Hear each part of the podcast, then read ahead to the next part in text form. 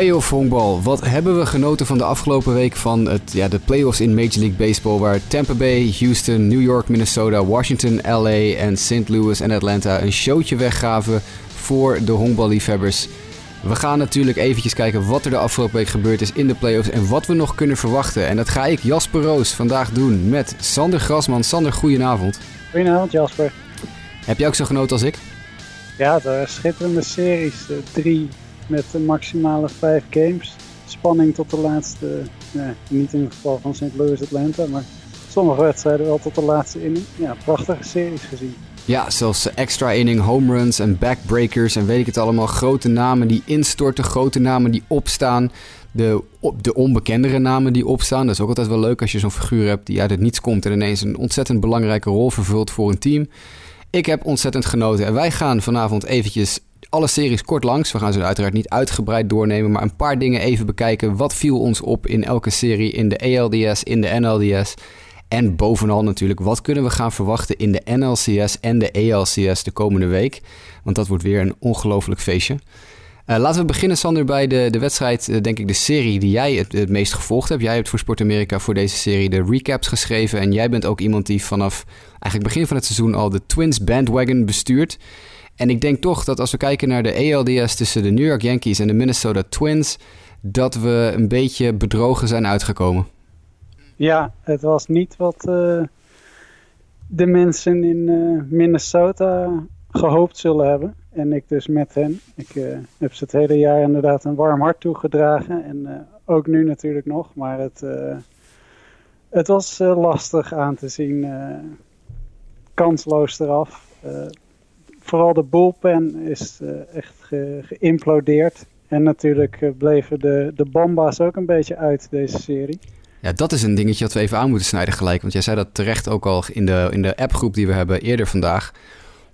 Wat is daar gebeurd met die Minnesota Twins aanval? Ze scoren in die hele serie zeven runs over drie wedstrijden. Vier in de eerste wedstrijd, twee in de tweede en één in de derde. Het leek wel of ze ook echt als een nachtkaars uitgingen. Wat is, wat is daar gebeurd met die vervaarlijke Minnesota offense?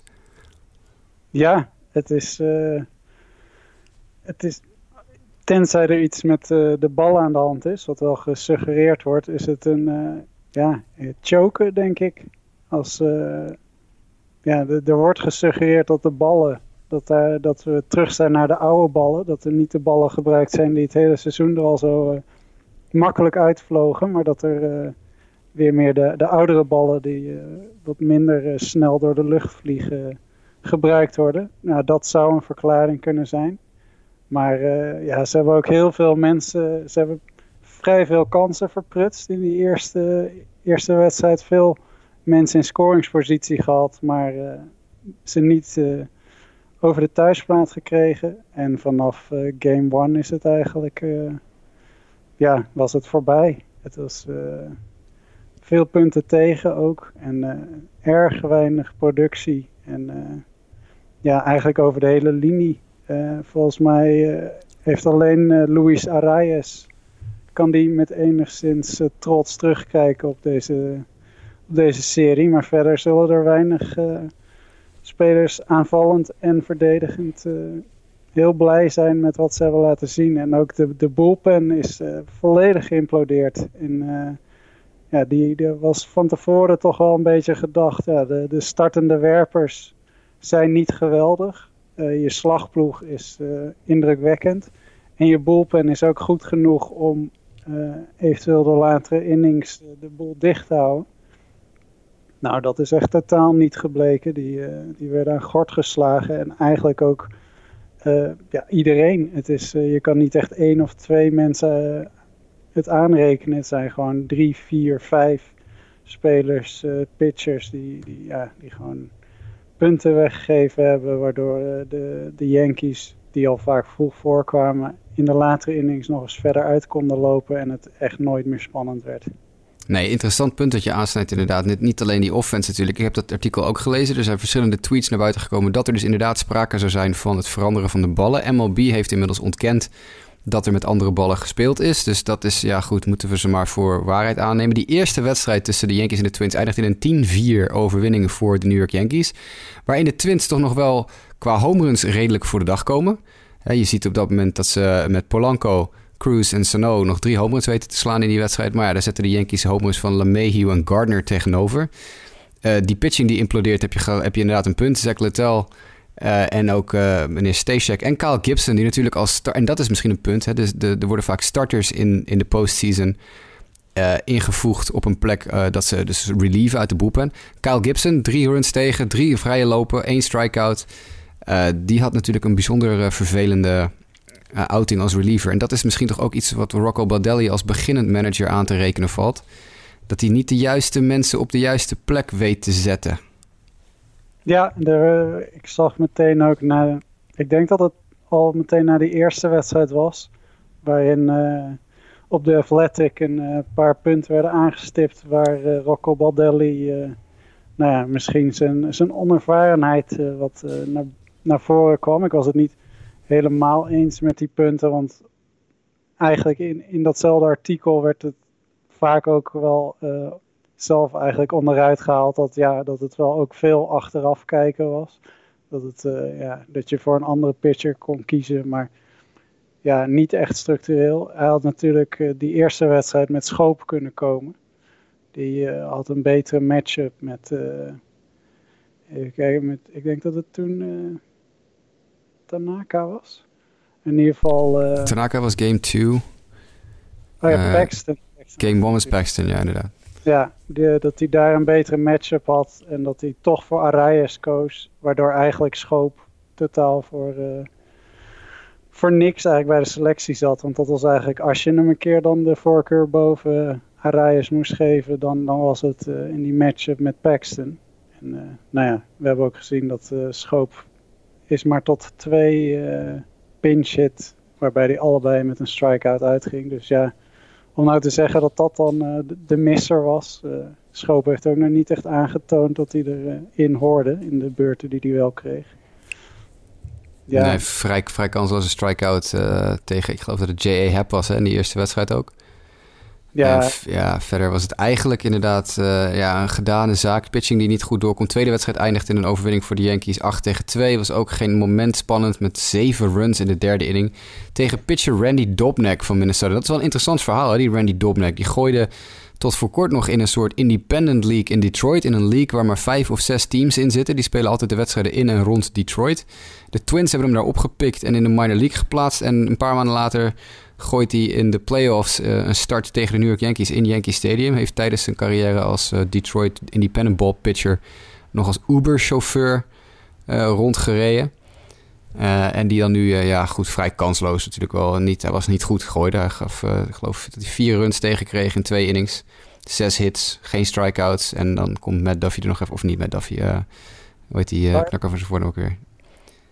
Tyler? Tyler? Ja, Tyler Duffy. Ja, ik zei Matt Duffy, dat, die zit ergens anders.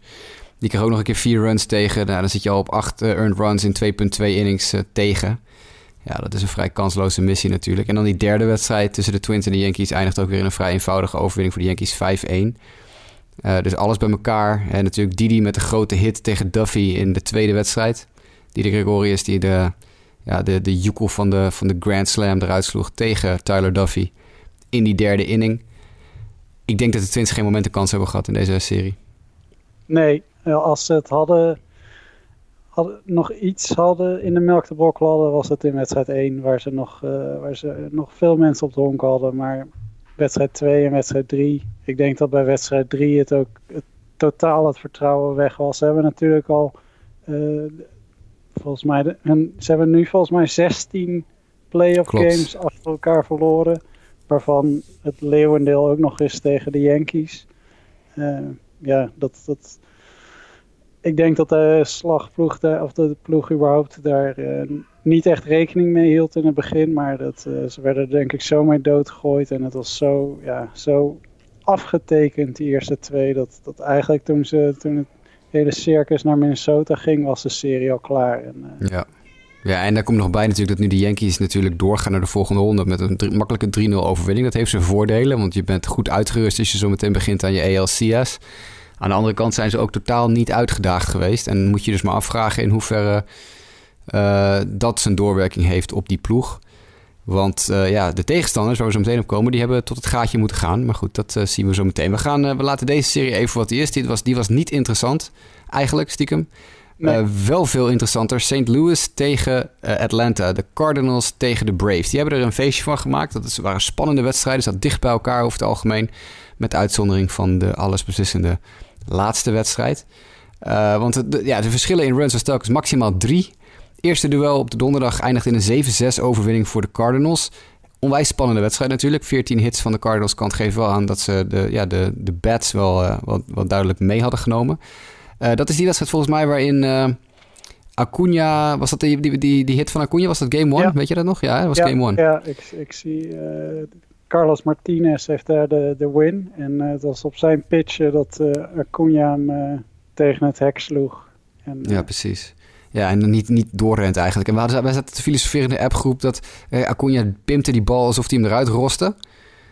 Of zo. Wat was het ook alweer? Ik weet niet hoe het was. hij dacht dat hij er... Ja, hij uh, rende, hij had zijn knuppel gewoon nog vast en was een beetje aan het showboten, zoals hij uh, ja, wel vaker doet. Uh, maar hij, was, ja, hij, hij, dacht dat hij eruit ging. En ineens ging hij er volgens mij ook best wel ver niet uit. Volgens mij kwam die ongeveer onderaan de muur. Maar hij, dacht, hij dacht dat het een home was. En ineens was dat niet. En toen was een, een zekere double. werd ineens een single. En later werd hij ook nog van het honk met een double play volgens mij op het tweede honk. Ja, het was, ja, het was in de zevende inning. Ik heb het even opgezocht. Het was in de zevende inning dat hij die bal sloeg. In de negende inning tegen Martinez sloeg hij hem eruit. Ja. En in de zevende inning had hij dat die lange single. Ja, wij zaten te filosoferen dat het misschien iets te maken zou hebben met die honkballen. Die andere honkballen. Dat Acuna dacht toen hij hem raakte van... hé, hey, die bal is weg. Want zo heb ik hem een paar keer eerder geraakt dit jaar. En dat die bal toch een soort van dood viel. Maar dat is dus weer niet te bewijzen. Uh, eh, 7-6 overwinning voor de Cardinals. Tweede duel wordt dan weer een 3-0 overwinning van de Braves... met een geweldige Mike Fultonevich voor Atlanta op de heuvel... die echt waanzinnig goed gooide tegen Jack Flaherty... die toch de ace is zo'n beetje van de, de St. Louis Cardinals tegenwoordig. De jonge ace... Maar Volty pitcht hem er eigenlijk gewoon uit. Met, uh, met drie hits in zeven innings, zeven strikeouts, nul walks. En Flair die, toch nog drie earned runs uh, tegenkrijgt. Ik vond persoonlijk, maar ik weet niet wat, jij, uh, wat jouw visie daarop is... dat Mike Schild te lang wachtte met het van de heuvel halen van Flair in die wedstrijd. Ja, ik heb die wedstrijd niet zo goed gezien. Ik heb niet gezien in welke inning ging die er vanaf. uiteindelijk ging hij er na zeven innings af.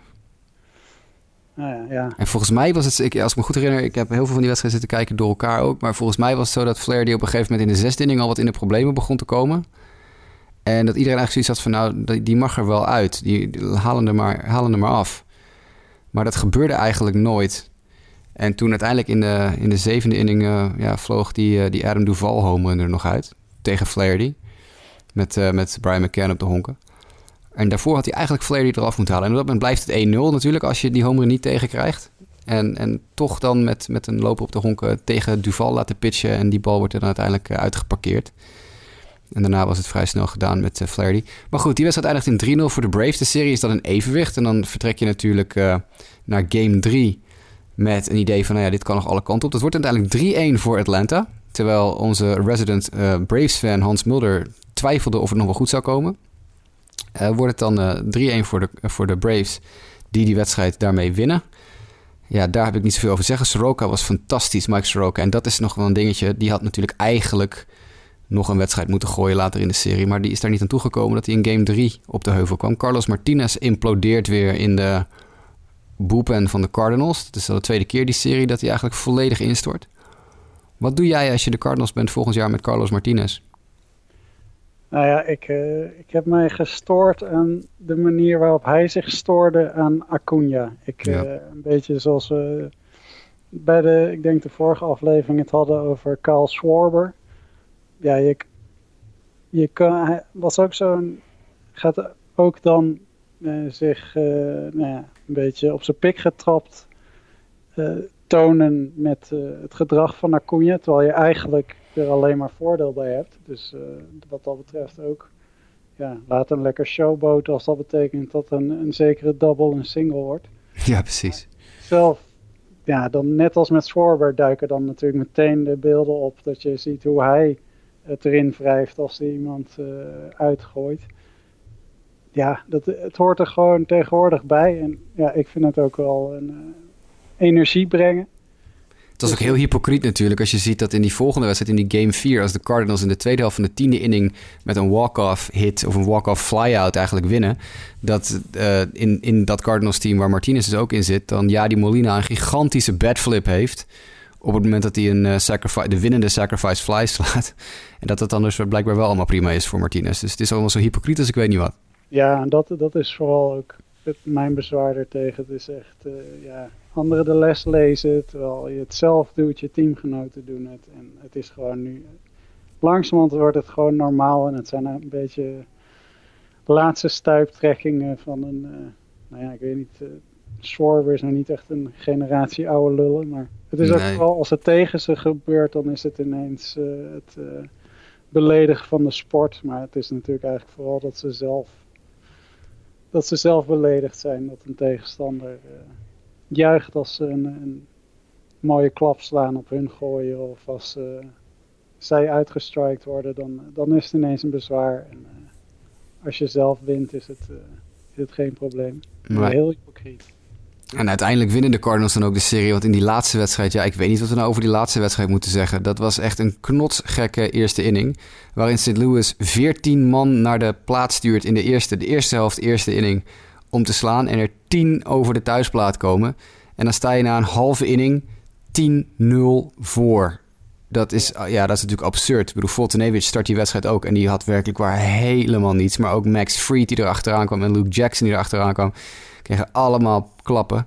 En uiteindelijk scoren dan 10 runs in de eerste inning, 1 run in de tweede, 2 in de derde. En dan staat er 13-0 op het bord na drie innings honkbal. Ja, ik geloof dat het was uh, Matt Carpenter die toen al naar, in de tweede inning al naar zijn coach ging en zei... hey, haal mij er maar uit, want ik ben defensief niet zo goed. Je moet die andere gast erin zetten defensief, want deze hebben we toch wel gewonnen. Dus laat mij maar even op de bank zitten dan. Nou ja, dat is natuurlijk echt... Ja, dit, wat, was dit nou weer voor wedstrijd?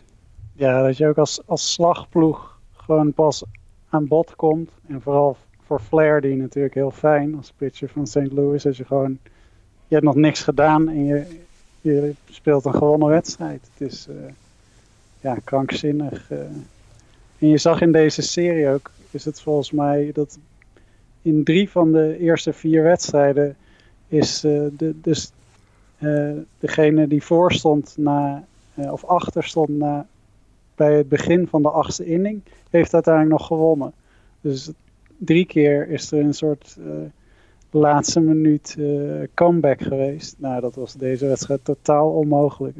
Jammer dat een serie eigenlijk die zo spannend was, van begin tot, uh, nou, tot de vijfde wedstrijd, zo'n einde kent. Waarbij het zo, ja, die laatste wedstrijd, volgens mij was het, die begon om tien uur Nederlandse tijd. Ik heb nog even gekeken en nou ja, je kon lekker naar bed. Ik denk dat uh, de Nederlandse Atlanta Braves fans uh, lekker vroeg erin lagen. Hey, dat, uh, dat, dat klinkt als een bekende opmerking. Volgens mij tweette ik inderdaad ook zoiets na een halve inning. Ja. Nou, bij Nederlandse Braves fans kunnen wel weer naar bed, want dit is voorbij. Jack Flaherty, daar wil ik nog even over hebben. Want ik zat ook al te tweeten en, en na te denken. En dat werd ook op de broadcast al gezegd na één inning 10-0 voor, ja, waarom zou je je moeilijk doen en Flaherty nog een hele wedstrijd laten gooien? Laat hem twee, drie innings gooien. Beschouw de dag als een bullpen day voor hem. Hou hem fris en fruitig voor de volgende serie. Het is natuurlijk je hebt een game 5 gehad. Je wil natuurlijk graag Flaherty weer gebruiken in de volgende game 1 of 2, als dat mogelijk is. Toch kiest Mike Schulte ervoor om hem een volledige start te laten gooien van 104 pitches. Dat werd dan uiteindelijk zes innings. Want Flair, die, ja goed, je staat 10-0 voor. Dan ben je misschien ook niet even precies meer met je pitches. Maar die had 104 pitches nodig om door zes innings te komen. Wat natuurlijk niet heel goed is. Ook wel acht strikeouts. Dat zorgt natuurlijk ook voor dat je pitching nummers wat omhoog gaan. Maar ben jij het eens met die beslissing van Mike Shield om daar Flair die te laten staan en hem niet zoiets van, nou, gooi maar drie innings en daarna mag de boep en het afmaken?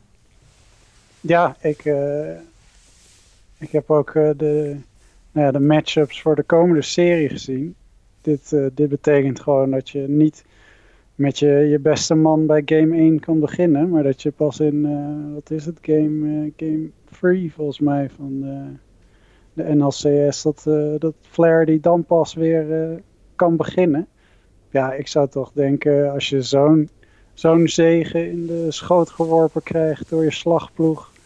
Haal hem lekker vroeg naar de kant. En zorg dat je topfit met je, met je ace kan beginnen aan de volgende serie. Nee, ik snap er niks van. En ja, ik heb hem dus uh, uitgezet na, één of twee innings. En uh, ik had ook verwacht eigenlijk dat hij, uh, dat, dat hij niet zoveel zou gooien. Maar ja, was verrast te zien de volgende dag dat hij nou, toch nog zoveel ballen gegooid had. Ja, ik vond het ook geen, geen slimme beslissing. Maar goed, hoe dan ook, de Cardinals winnen in vijf wedstrijden.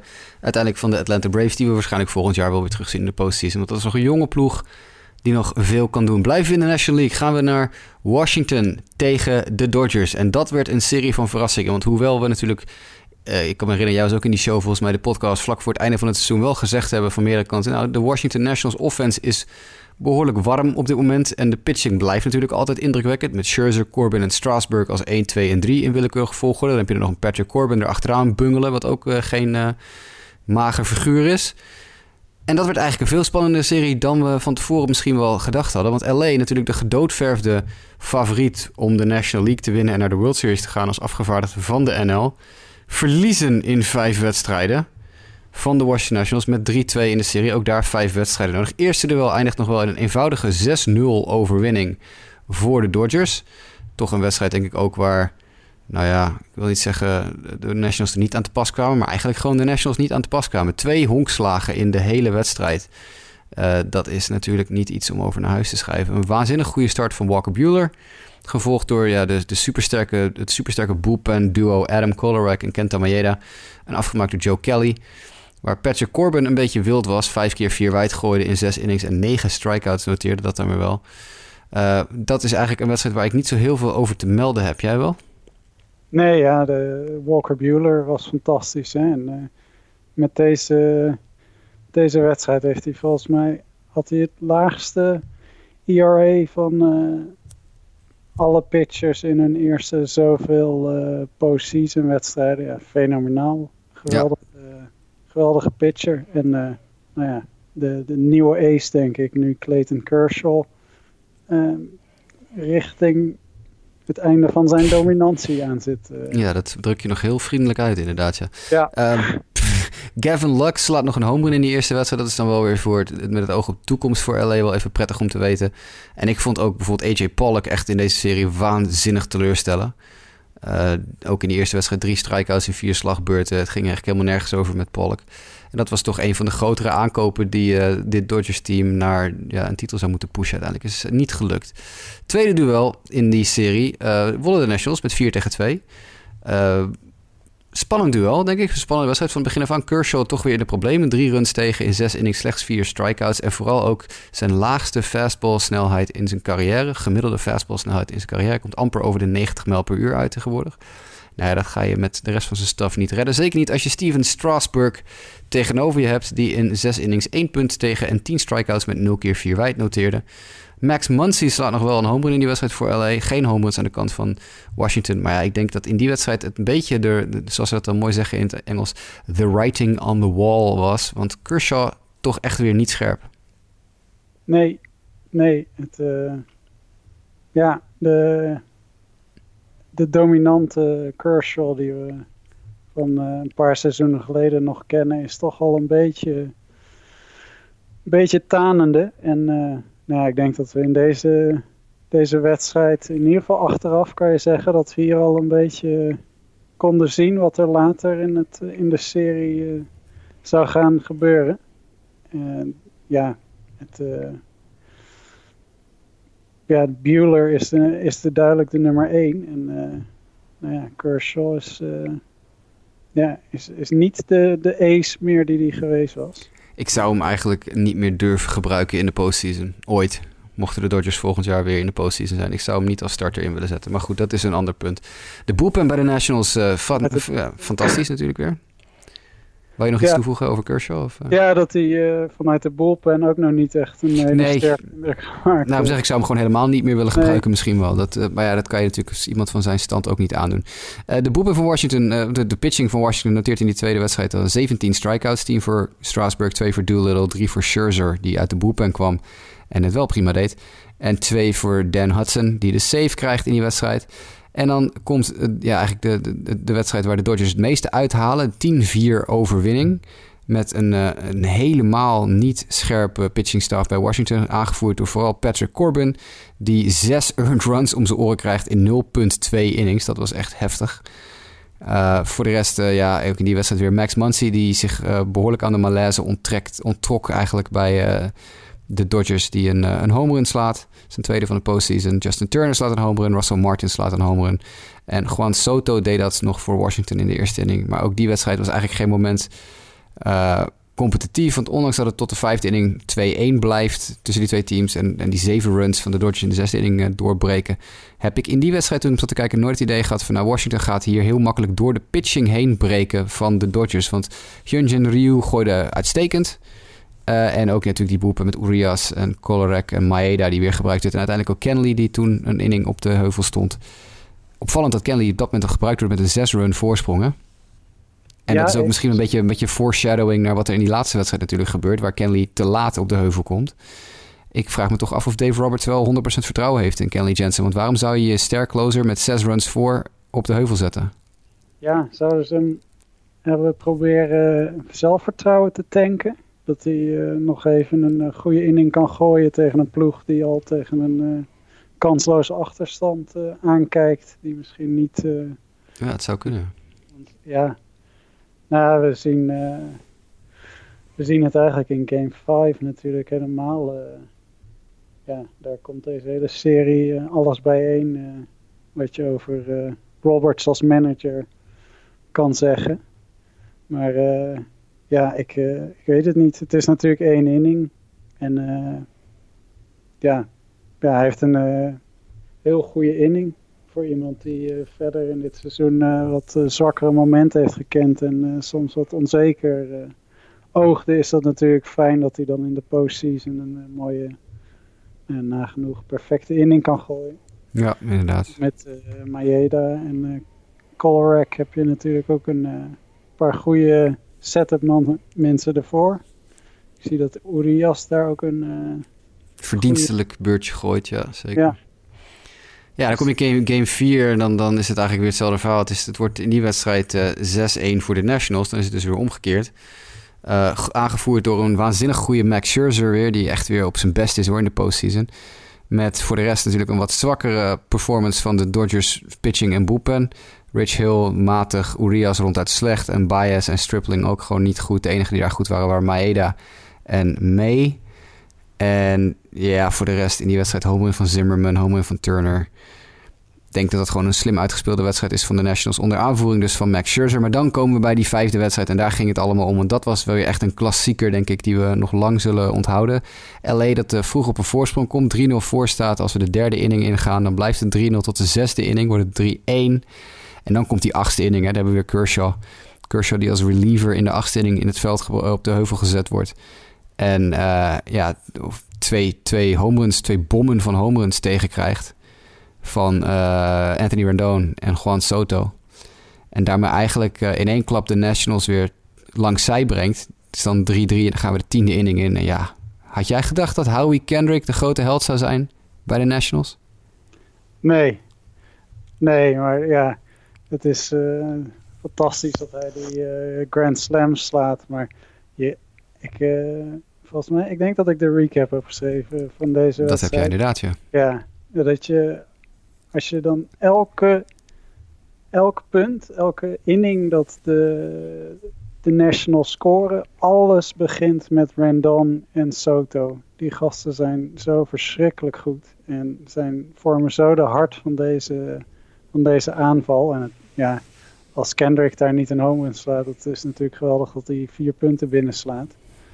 Maar uh, ja, hij maakt wel echt uh, het werk af wat uh, Randon en Soto hebben opgezet. Echt, ja. ik, dat, die worden nog gevaarlijk in de NLCS. En ja, ik las dat het idee was van Roberts erachter om, om Kendrick een, een lage bal zou slaan. Om hem een grounder uit te lokken bij hem, zodat je een double play kon, kon maken. En dat hoopte Roberts dat, dat, dat Kershaw daarin zou sla slagen om dat voor elkaar te krijgen. Nou ja, dan is een home run is ongeveer het, vers van wat je een grounder zou kunnen noemen. Ja, was tegen uh, Joe Kelly, niet tegen Kershaw. Oh ja, sorry, ja. De Dat, dat is ook nog een ander punt trouwens, daar wil ik het nog even op. Het staat op mijn lijstje ook. Ik wil het nog even met je hebben, want je zei al, Dave Roberts zijn beslissing natuurlijk. Uh, ja, je, beslissingen van managers kun je achteraf altijd eindeloos over kletsen. Het is allemaal hindsight is 2020. Maar ik begreep er niets van dat die Kelly na een sterke uh, negende inning in de tiende inning er weer terug opbrengt. Want deze man is een reliever die gewend is om korte stukjes te gooien in, in de laatste paar jaar. Ik, je hebt Kelly Jensen nog op de bank zitten.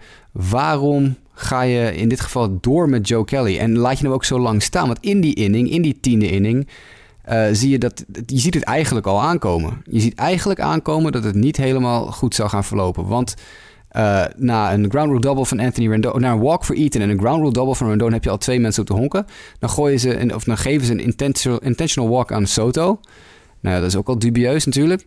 En dan ga je met de honken vol, laat je Kelly gewoon nog pitchen tegen Howie Kendrick. Ik snap daar niet zoveel van, als ik eerlijk ben. Ik denk ook dat dat misschien wel eens een keer zo kan zijn dat Dave Roberts hier zijn baan kwijt is geraakt. Ja, het is ook. Uh, was volgens mij twee maanden, bijna twee maanden geleden, begin augustus, gooide Kelly voor het laatst nog meerdere innings. In alle keren dat hij meer dan één inning gooide, krijgt hij, uh, krijgt hij ongelooflijk vaak punten tegen. Waar hij één inning vaak prima doorkomt, is het uh, zodra hij meer moet gooien, dan wordt hij gewoon kwetsbaar. En dat je dan op zo'n moment, als je nog gewoon prima alternatieve fit achter de hand hebt. Je hebt gewoon nog Jansen achter de hand. Je hebt Colorac had je volgens mij ook nog gewoon achter de hand. Je hebt gewoon opties. En je gaat gewoon, je houdt iemand erop die aangetoond heeft niet goed te zijn in, in meerdere innings. En, en je doet dat net nadat je Kershaw te lang hebt laten staan. Het is notabene twee innings daarvoor, denk ik. Dat het al mis is gegaan dat je iemand te lang laat staan. Je weet dat Kelly niet heel lang kan blijven. Die moet je er eigenlijk na één inning afvallen. Ja, misschien zat hij nog met die wedstrijd tegen Boston vorig jaar in zijn achterhoofd toen ze 17 innings uh, moesten. Dat hij bang was dat hij weer zo'n wedstrijd zou krijgen.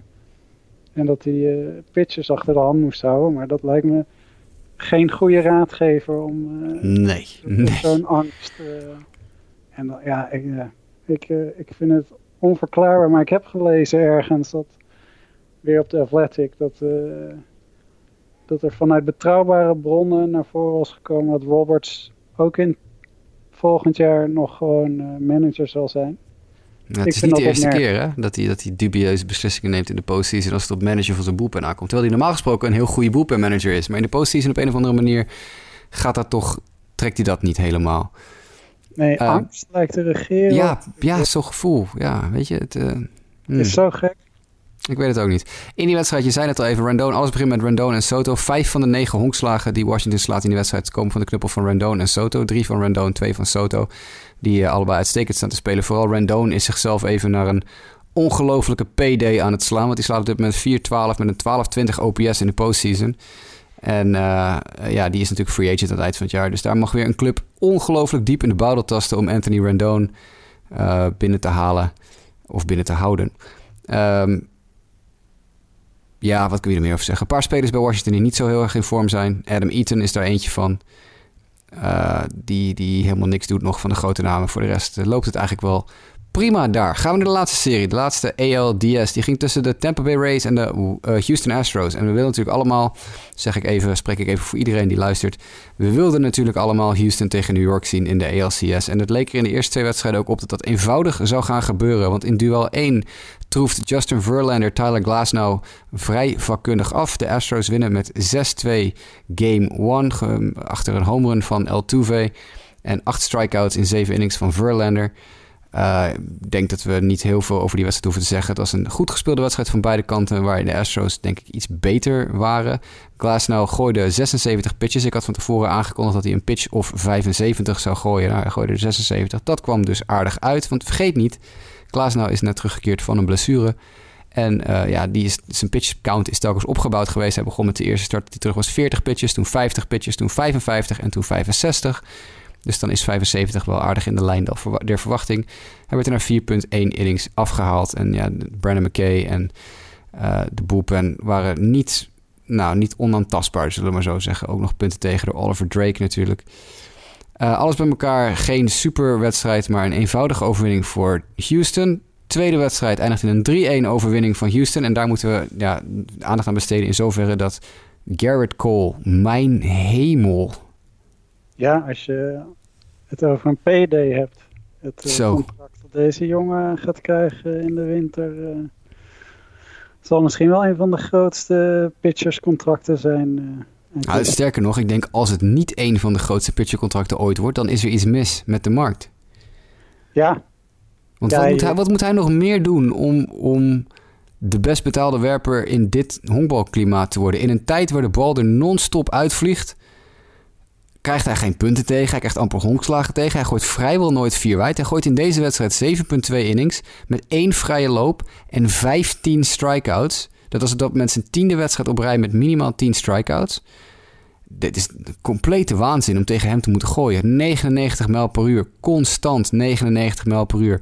Precies op de plekken waar hij ze wil hebben. Geweldige knuckle curves, geweldige sliders. Hier is niet tegen te slaan tegen die man. Nee, ongelooflijk. Ja, hij is. Uh, ja, ik, uh, ik ben benieuwd wie hem, uh, wie hem oppikt. Dus er zal flink op hem geboden worden, denk ik. Veel teams kunnen natuurlijk. Ja, hij, hij is denk ik op dit moment de beste pitcher in de, in de American League, denk ik. Ja, ik denk het ook wel. Ik denk dat hij de Cy Young wint ook uiteindelijk. Ja, ja, het zou niet mogen uitmaken natuurlijk. Maar ik denk dat hij met deze prestaties. Of is er al gestemd? Ja, er is al gestemd. Maar ik denk als je kijkt, als je kijkt, trek deze starter vanaf, dan is hij negen starts op rij met 10 strikeouts of meer. Dat op zich is ook al natuurlijk grond om iemand naar de Cy Young Award te stemmen. Nu is dit was dan zijn tiende. En dan gooide er later in de playoffs nog zijn elfde achteraan. Ja, dit is pure waanzin. Je kan, je kan tegen deze man niet op.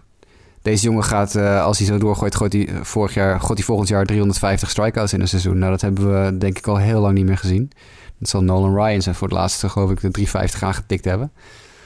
Dus pure waanzin. Die series gaat het met 2-0 voor de, voor de Astros naar Tampa Bay. En hebben we eigenlijk allemaal zoiets van, nou ja, weet je... Pff, kat in bakkie voor Houston. Rustig een 3-nulletje. Desnoods een, uh, een, een, een 3-1'tje. Uh, want ik had op Twitter, iemand vroeg aan mij, wordt het een 3-0? Ik zei, nou ja, ik zie Granky er nog wel afgegooid worden door Morton. Want ik vind Morton echt een waanzinnig goede pitcher. En dat gebeurt dan ook in die derde wedstrijd. Waar Granky eigenlijk heel slecht is. Hè? Die gewoon meerdere pitches recht door de, over de plaat laat hangen. Curveballs, change-ups, echt gewoon midden over de plaat. En Homans uh, tegenkrijgt van uh, Kiermaier, Choi en Lau. En zes runs tegenkrijgt in 3,2 innings. En ja, Tampa Bay loopt eigenlijk heel eenvoudig weg met een 10-3 overwinning in die wedstrijd. Morton was wel weer heel goed.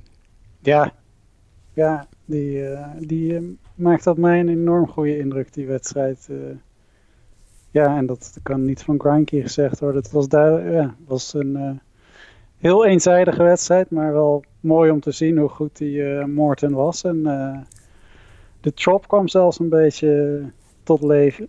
Tja, moet niet gekker worden.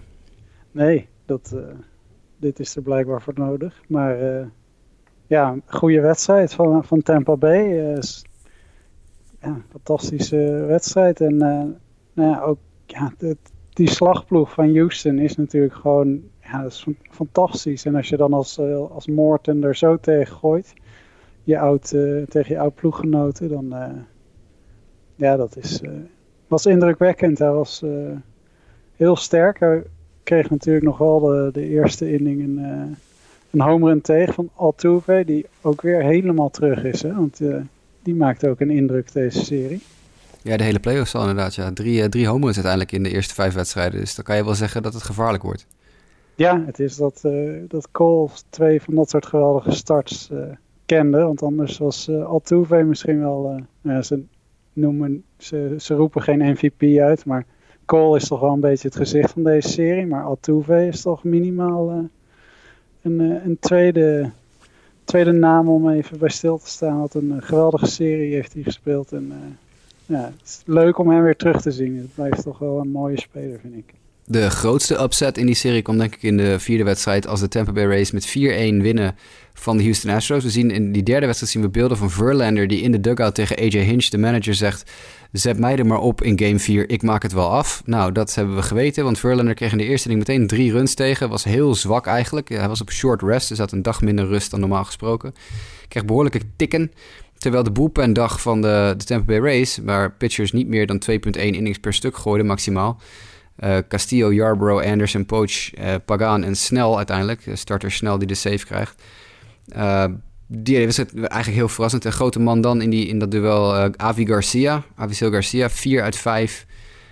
Tommy Pham, 3 uit 5. En die twee jongens stuwen eigenlijk de race naar een 4-1 overwinning. En dan komt game 5 terug in Houston. Ja, en dan weet je toch eigenlijk stiekem wel Garrett Cole op de heuvel. Dat kan bijna niet fout gaan. Tyler Glasnow tegen hem. En Glasnow die kreeg het harte deksel op zijn neus. Want die kreeg in de eerste inning meteen vier runs tegen. En er werd later lustig gespeculeerd dat hij zijn pitches aan het tippen was. Want ook alle hits in de eerste inning, of vrijwel alle hits in de eerste inning, waren op 99 mijl per uur fastballs.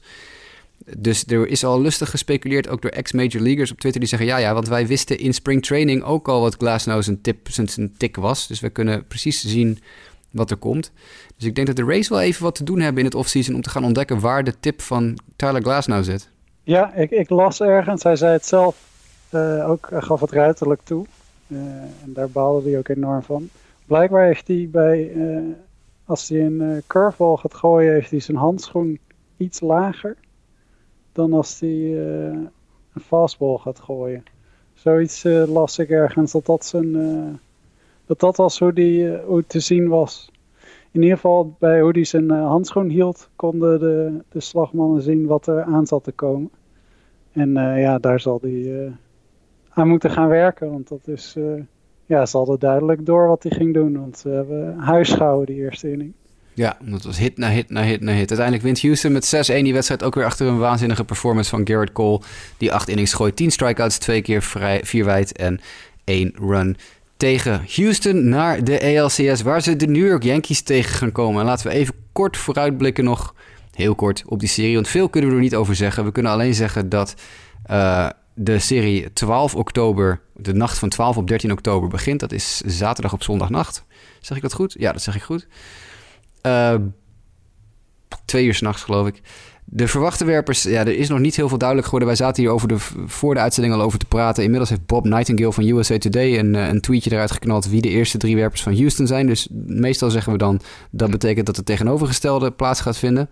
Maar Bob Nightingale in dit geval zegt hetzelfde als wij ook al dachten. Granky in game 1, Verlander in 2 en Cole in 3. Als ik het goed lees. Uh, en dat hadden wij ook al bedacht. Want Cole moet natuurlijk nog een paar dagen extra rust hebben, want die heeft net gegooid. Granky heeft de langste rust van allemaal gehad. Die zit keurig op zijn schema. En Verlander die moet even een, uh, een breakie hebben na zijn, uh, zijn short rest start. En ik denk tegen New York dat ze, ja, waarschijnlijk, wat is het, Paxton of Severino in game 1 tegenover zich krijgen? Gok ik. Ja, En de ander in game 2? Dat, uh, dat verwacht ik eigenlijk, eigenlijk wel. En ja, het is natuurlijk ongunstig voor Houston dat je pas Cole in, in eh, de derde wedstrijd eh, kan laten gooien. Terwijl de Yankees gewoon kunnen kiezen. Iedereen is eh, uitgerust genoeg om te beginnen. En ja, Houston kan pas in game 2 en 3 Verlander en Cole gaan uitspelen. Maar ja, is natuurlijk ook geen, geen oelewapper. Die heeft één slechte wedstrijd gegooid. Maar voor hetzelfde geld zet hij een geweldige game 1 neer. Granky heeft wel het voordeel natuurlijk dat hij thuis zijn eerste wedstrijd gooit en niet uit. Want Granky is over het algemeen een, iemand die thuis beter gooit dan uit. We zaten even te rekenen. Dat zou betekenen dat we Granky in game 1 en 5 krijgen. Indien nodig natuurlijk. Uh, Verlander in, uh, sorry, uh, ja, Verlander in 2 en 6 en Cole in 3 en 7. Wat zou betekenen dat je wel je top 3 pitchers, mocht het een 7-game series worden, alle drie twee keer in kunt zetten. En dat alleen game 4 op 16 oktober dan de bullpen game zou moeten worden. Of een Wade Miley start of iets in die geest. Dus op zich is het wel gunstig voor Houston dat ze dat zo uit kunnen spelen. Maar je wil natuurlijk eigenlijk... Ja, als het tot een game 7 komt, dat, wat natuurlijk kan gebeuren... dan heb je je beste werper op de heuvel in Garrett Cole. Maar die zet je natuurlijk liever in in een potentiële clincher, denk ik eerder. Maar goed, dat is... Helaas kan je dat niet beïnvloeden. Uh, voorspelling? Ik denk Houston in 7. Dat denk ik ook. Ik kan natuurlijk niet nu na het hele jaar die, die toeter voor Houston te hebben geblazen zeggen dat ze het niet gaan winnen. Uh, thuisvoordeel voor Houston gaat hier denk ik wel belangrijk zijn. Ik denk dat de eerste twee wedstrijden in Houston, dan drie in New York en dan weer twee in Houston best wel belangrijk kunnen gaan blijken. En ik denk ook inderdaad dat ik hoop ook stiekem wel, dat het een seven-game series wordt. Want dit zijn natuurlijk de twee teams die je tegenover elkaar wilt zien. En de twee teams die het uit moeten gaan maken wie uiteindelijk de World Series gaat winnen wat mij betreft. Uh, dus ik zeg ook Houston in 7. Aan de National League kant Cardinals tegen de Nationals. Daar hebben we wel een aantal pitching matchups die al aangekondigd zijn. Want de eerste wedstrijd is natuurlijk komende nacht al. Om twee uur s'nachts, vrijdag op zaterdag. Nationals at Cardinals. Miles Michaelis op de heuvel voor de St. Louis Cardinals. En Anibal Sanchez, oh mijn god, uh, op uh, de heuvel voor de Washington Nationals. Nou goed, uh, allebei niet echt in supervorm. Van vijf wedstrijden nodig hebben in de, ja. in de Division Series. Je begint niet met je, je sterkste mannen Nee, had je Flair die minder laten gooien in die wedstrijd, had je hem dus in game 1 kunnen inzetten als je het als en dag had uh, ja. beschouwd. Maar goed, dat kan dus niet. Dus dan krijgen we Anibal Sanchez tegen Miles Michaelis. Game 2 wordt Adam Wainwright tegen Max Scherzer. Uh, Wainwright wel weer goed van de week, maar ik denk dat Scherzer toch daar de bovenhand heeft. En dan is inmiddels hebben de Cardinals Jack Flair die al aangewezen als game 3 starter en uh, Dakota Hudson als game 4 starter. Washington daarentegen nog niets aangekondigd over eventuele starters in die duels.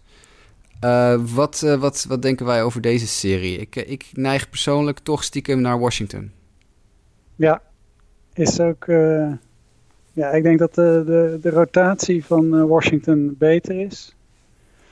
Slagploeg denk ik ook. Ja, dat is echt heel, waar zij dan Rendon en Soto hebben, heeft St. Louis, Goldschmidt en Ozuna die fantastisch in vorm zijn. De slagploegen zullen elkaar niet zoveel ontlopen. Bob en is St. Louis er net beter, maar ja, ik zie uh, Scherzer, Strasburg en Corbin, denk ik, uh, gaan ervoor zorgen dat uh, Washington ook wel weer, denk ik, in een lange serie aan het langst eind gaan trekken. Ja, ik, ik denk dat toch ook. En, en uh, we noemen al even Rendon die voor een contract staat te spelen en het goed doet. Cole die voor een contract staat te spelen, maar vlak Marcel Ozuna ook niet uit. Die, precies wat je zegt, een uitstekende playoff staat te ballen. En, uh, en die ook free agent is na dit seizoen en even mag gaan cashen. Uh, ik zeg voorspelling Washington in 6. Ja, dat wilde ik ook zeggen, maar dan zeg ik in 7. Oké, dan hopen, hopen we dat op meer honkbal, meer playoff honkbal is beter honkbal. Ik, eh, ik hou er wel van. En dan zouden we dus in theorie, als wij ons gelijk krijgen, een World Series krijgen van de Washington Nationals tegen de Houston Astros. Dus dit betekent dat Cardinals fans en Yankees fans zich op kunnen gaan maken voor een tripje naar de World Series. Want dat uh, gebeurt wel vaker, dat uh, het tegenovergestelde gebeurt van wat ik roep. Ik, ik zou het mooi vinden, denk ik. Washington, Houston Astros. Het lijkt me, Washington Nationals, Houston Astros lijkt me een mooie, mooie World Series om het jaar mee af te sluiten prachtige pitchers duels. Hè, met, Waanzinnig, ja. En, en inderdaad met uh, Scherzer en Verlander... die natuurlijk een verleden hebben met z'n tweeën bij Detroit. Oud-teammates die bij de Tigers jaren gegooid hebben. Strasburg en Cole die... Uh, als Strasburg uh, gebruik maakt van zijn opt-out... allebei voor een contract zijn te spelen. Oh ja, Strasburg heeft natuurlijk ook een opt-out. Opt die kan ook uit zijn contract. En komen die gasten niet allebei bij elkaar uit de buurt? Zijn die niet kort na elkaar gedraft uit dezelfde conference in college? Dus die hebben vast in college wel tegen elkaar gespeeld ook. Ze zijn, zijn allebei eerste keus, toch, in de draft? Ze zijn allebei uh, eerste, eerste keus inderdaad geweest. En even kijken, wanneer is Garrett Cole gedraft? 2011. Dus ze zijn twee jaar na elkaar gedraft. Strasburg in 2009 en Cole in 2011. Dus dat betekent haast wel dat ze in... Ik geloof dat Cole heeft bij USC of UCLA gepitcht. University of California, Cal. En Strasburg zat bij San Diego State. En die zitten volgens mij in dezelfde conference. Dus die zijn elkaar ongetwijfeld ook tegengekomen in college. Uh, dus dat, is, ja, dat maakt het extra leuk natuurlijk. Stiekem. Ja, dat zou een geweldige World Series zijn.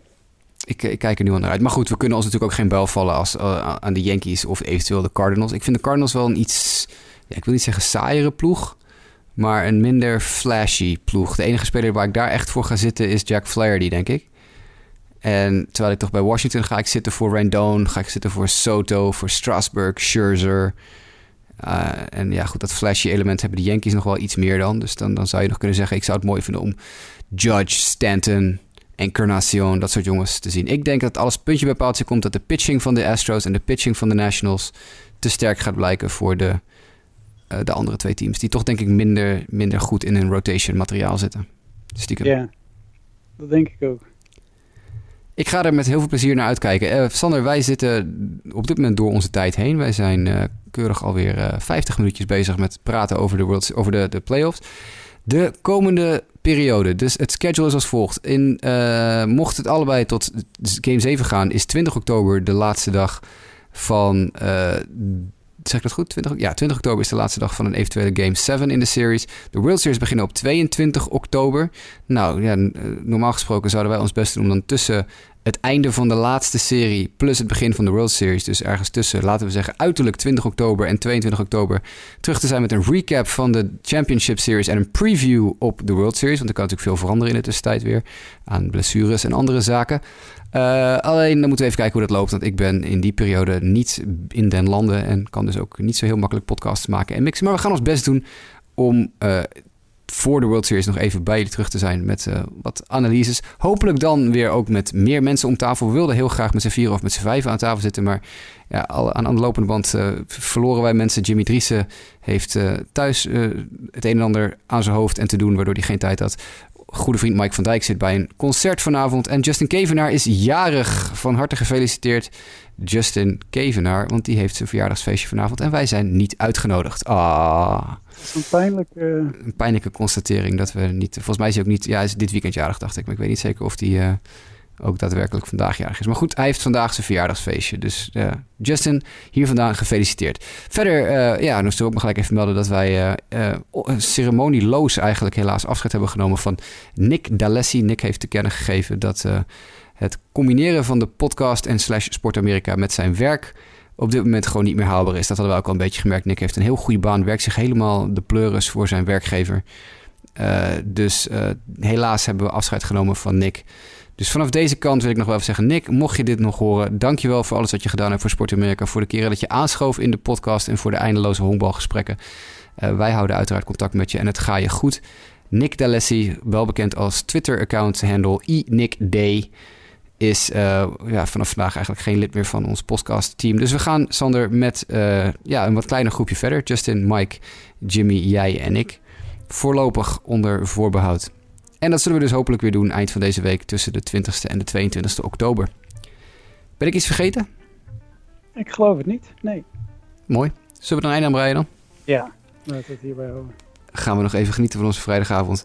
Uh, Sander, bedankt dat je even tijd had om uh, met mij te praten over de playoffs. Dank voor je visie op deze series. Graag gedaan.